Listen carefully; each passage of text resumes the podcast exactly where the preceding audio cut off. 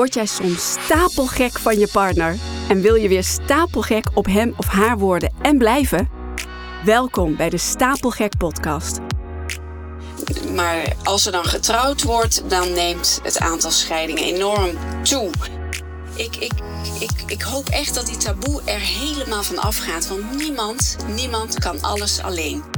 Mijn naam is Sharon Overweg en ik ben relatietherapeut voor topondernemers en hun liefdespartner. In deze podcast ga ik met je hebben over het mooiste, maar misschien wel het moeilijkste en het meest gecompliceerde dat er bestaat. Jawel, de liefde. Ja, het belang van goede vragen stellen. Ik vind dat een heel goed onderwerp voor deze aflevering. Die komt online op 8 september. Nou, dan is heel Nederland alweer terug. Dan zijn wij weer terug van de vakantie. Neem het nu op voor onze vakantie nog. Um, maar op 8 september is Nederland weer uh, aan het werk. De kinderen zijn weer naar school. En we staan weer voor een scheidingspiek. En ik las laatst een onderzoek dat er dit jaar een scheidingspiek na de zomer wordt verwacht van 30 procent. Ja, en dan stuur me nou geen reacties met flauwe opmerkingen als de een zijn dood is, de ander zijn brood. Ja, dat vind ik allemaal zo'n open deur. Ik vind het gewoon heel erg verdrietig. Hè? Afgelopen jaar in 2022 waren er 86.000 kinderen die hoorden dat hun ouders uit elkaar gaan. Ik weet dit van Stichting Villa Pinedo, een stichting die er is voor kinderen van gescheiden ouders. Een eh, hele mooie stichting trouwens, waarbij kinderen van gescheiden ouders een buddy krijgen. Dat zijn ook weer kinderen van gescheiden ouders. Fantastisch. Maar hoe triest is dat? En dat aantal neemt alleen maar toe. En ik heb net even zitten kijken op het CBS, het Centraal Bureau voor de Statistiek. En dat is de, ja, daar staat dat het aantal scheidingen bij ouders ook toeneemt. Aantal scheidingen in het algemeen neemt af. Dat komt omdat veel meer mensen, jonge, jongelui kiezen. Ja, jongelui, jongelui. Ik ben echt wel heel oud. Maar de jongere generaties kiezen steeds vaker om uh, ongehuwd samen te gaan wonen. Maar als er dan getrouwd wordt, dan neemt het aantal scheidingen enorm toe.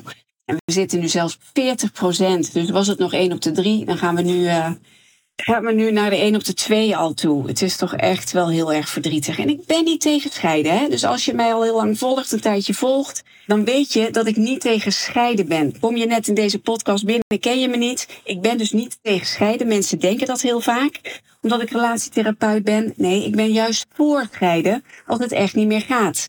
Mijn ouders zijn na 52 jaar huwelijk uit elkaar gegaan. Dat hadden ze even 30, 40 jaar eerder moeten doen. Dus ik ben niet tegen Ik denk wel dat er te snel wordt gescheiden in heel veel gevallen. van, dat er wordt besloten tot een scheiding omdat er de verkeerde vragen worden gesteld. Mensen besluiten vaak om te scheiden vanuit wanhoop. Gewoon echt niet meer weten hoe ze verder moeten.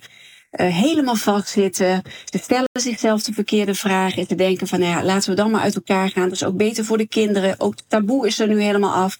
Ik denk dat er dus heel vaak besloten wordt tot een, scheiding omdat er verkeerde vragen worden gesteld. Vandaar dat ik deze aflevering nu deel, begin september, net voor die scheidingspiek. Hè. We zien scheidingspiek na de zomervakantie en na de feestdagen altijd. Vraag het elke scheidingsadvocaat, mediator, relatietherapeut, relatiecoach die je kent. Die zullen dat allemaal beamen. En ik heb al eens eerder een aflevering opgenomen hoe dat kan. Ga ik nu niet helemaal vertellen, maar even in het kort. Nou, in de zomervakantie, mensen kijken daar heel erg naar uit vaak. Maar als de relatie al niet goed was voor die vakantie of voor de feestdagen, ja, dan barst vaak de bom tijdens de vakantie. Want mensen zitten op elkaars lip, hadden hele hoge verwachtingen van die vakantie. Want het kost heel veel geld. Dan moet het gebeuren, dan moet het leuk zijn.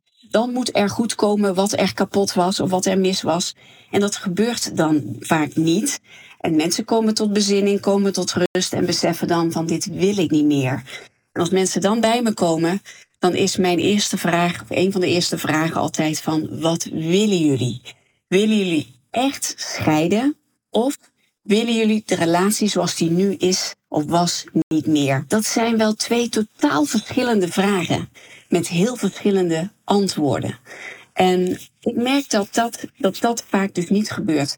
Men stelt zichzelf en elkaar niet de juiste vragen. En een onduidelijke vraag zal altijd leiden tot een onduidelijk antwoord. En als je een onduidelijk antwoord hebt, dan kan het zijn dat je dus besluiten neemt die je eigenlijk helemaal niet wilt.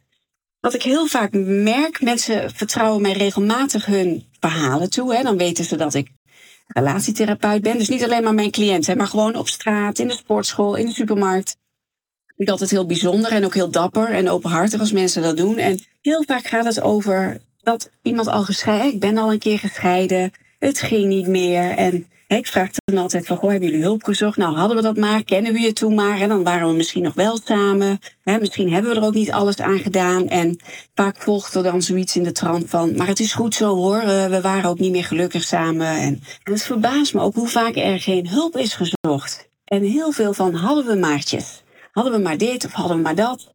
En dan denk ik, wat jammer, want als het niet meer gaat, zoek hulp, vraag hulp. Dat is toch niet erg? ik, ik, ik, ik hoop echt dat die taboe er helemaal van afgaat. Want niemand, niemand kan alles alleen. De president van Amerika heeft een gigantisch team om zich heen. Die kan dat niet alleen. Een, een, een, ja, niemand kan alles alleen. Dus als jullie in een relatiecrisis zitten, of het gaat niet helemaal lekker, en jullie willen dat het weer, dat het, ja, jullie willen verbetering, op wat voor vlak dan ook in jullie leven, vraag hulp. Vraag gewoon hulp. Waarom niet? Dus ja, dat is sowieso een hele belangrijke voor deze. Vraag hulp. En ja, als jullie met mij een gesprek aanvragen, dat is laagdrempelig. Zoals ik gewoon nu met, je, met je praat, door de microfoon. Het is laagdrempelig, vrijblijvend ook. En het zet altijd al iets in beweging. Vraag hulp. En ik stel wel goede vragen. Dus mochten jullie er zelf niet uitkomen, vraag hulp. Goed. Wat ook heel leuk is, die heb ik ook al eens eerder gedeeld, is het kaartendek van Vertellis. Dat is, zoals je het zegt, vertellis.nl. Ik zal het in de show notes delen. Die hebben een, een kaartenspel speciaal voor relaties, de relatieeditie. En eh, dat zijn 50 kaartjes met hele goede vragen. Dus dat is ook altijd goed om. om ik zou zeggen, koop dat, uh, koop dat spelletje, kost 20 euro of zo, 1950. En er staan hele goede vragen in. Van hoe ziet een gelukkige relatie er voor jou uit? Of wanneer ben jij niet gelukkig? Wanneer ben je wel gelukkig? En wat betekent liefde voor jou? En hoe ziet jouw ideale relatie eruit? Dat er alles mogelijk is. Weet je, dat zijn goede vragen. Dus ja, ik vond het heel belangrijk om dit eens een keer op te nemen in een, uh, in een podcastaflevering. Mocht je in contact met me willen komen, stuur me een berichtje op uh, LinkedIn. DM me even Sharon Overweg Slap. Of stuur me een mailtje, sharon.stapelgek.com. Zie je ook in de show notes terug. Of kijk even op mijn website, daar staat ook een contactformulier. En laten we kennis maken. Dat is gewoon vrijblijvend. Ik kom heel graag met jullie in contact. En ik stel heel vaak, heel graag de juiste vragen aan jullie. En uh, het zet altijd al iets in beweging. Dus mochten jullie nou op een keerpunt staan van, goh, gaan we uit elkaar of niet? Stel jezelf eerst de vraag en elkaar ook van willen we dit echt? Willen we echt scheiden? Of willen we de relatie niet meer zoals die was, zoals die is? En dat kan ook niet meer. Hè? Jullie, die relatie, dat kan ook niet meer. Want jullie zijn veranderd, de kinderen zijn ouder, het leven, de wereld verandert, jullie business verandert. Het kan ook niet meer worden zoals het was. Het moet iets worden wat veel beter is dan dat. Jullie relatie 2.0 ik zeg altijd maar zo, ga terug naar de tekentafel, herschrijf jullie script. En daar kan ik heel erg goed bij helpen, mochten jullie hiervoor openstaan. En weet ook dat jullie, jullie relatie is niet alleen jullie huwelijk. Het gaat veel verder dan dat. Er zijn ook schoonouders bij betrokken, vrienden, jullie kinderen, de zaak. Misschien is, hebben jullie wel een bedrijf op jullie beide naam. Het is zoveel meer omvattend dan alleen jullie huwelijk, jullie relatie.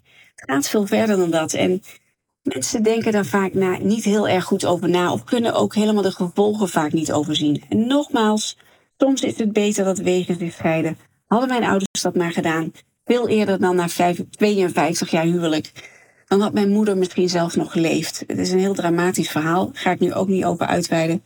Heb ik al eens eerder verteld.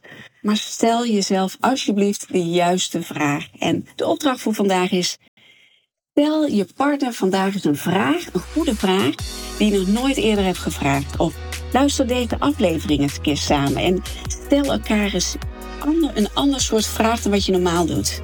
Ben heel benieuwd wat het oplevert, wat je uit deze aflevering haalt. Laat van je horen, je weet het hè. Ik vind het sowieso super leuk om van je te horen, om te weten dat je luistert. Ik zit hier maar in mijn eentje achter of voor mijn microfoon. Ik vind het heel leuk om jullie reacties te krijgen, te lezen. En ik antwoord ook altijd. Dus uh, Nou ja, ik wens je weer een hele mooie, liefdevolle dag. Hele goede zaken. En uh, tot de volgende keer. Bye bye.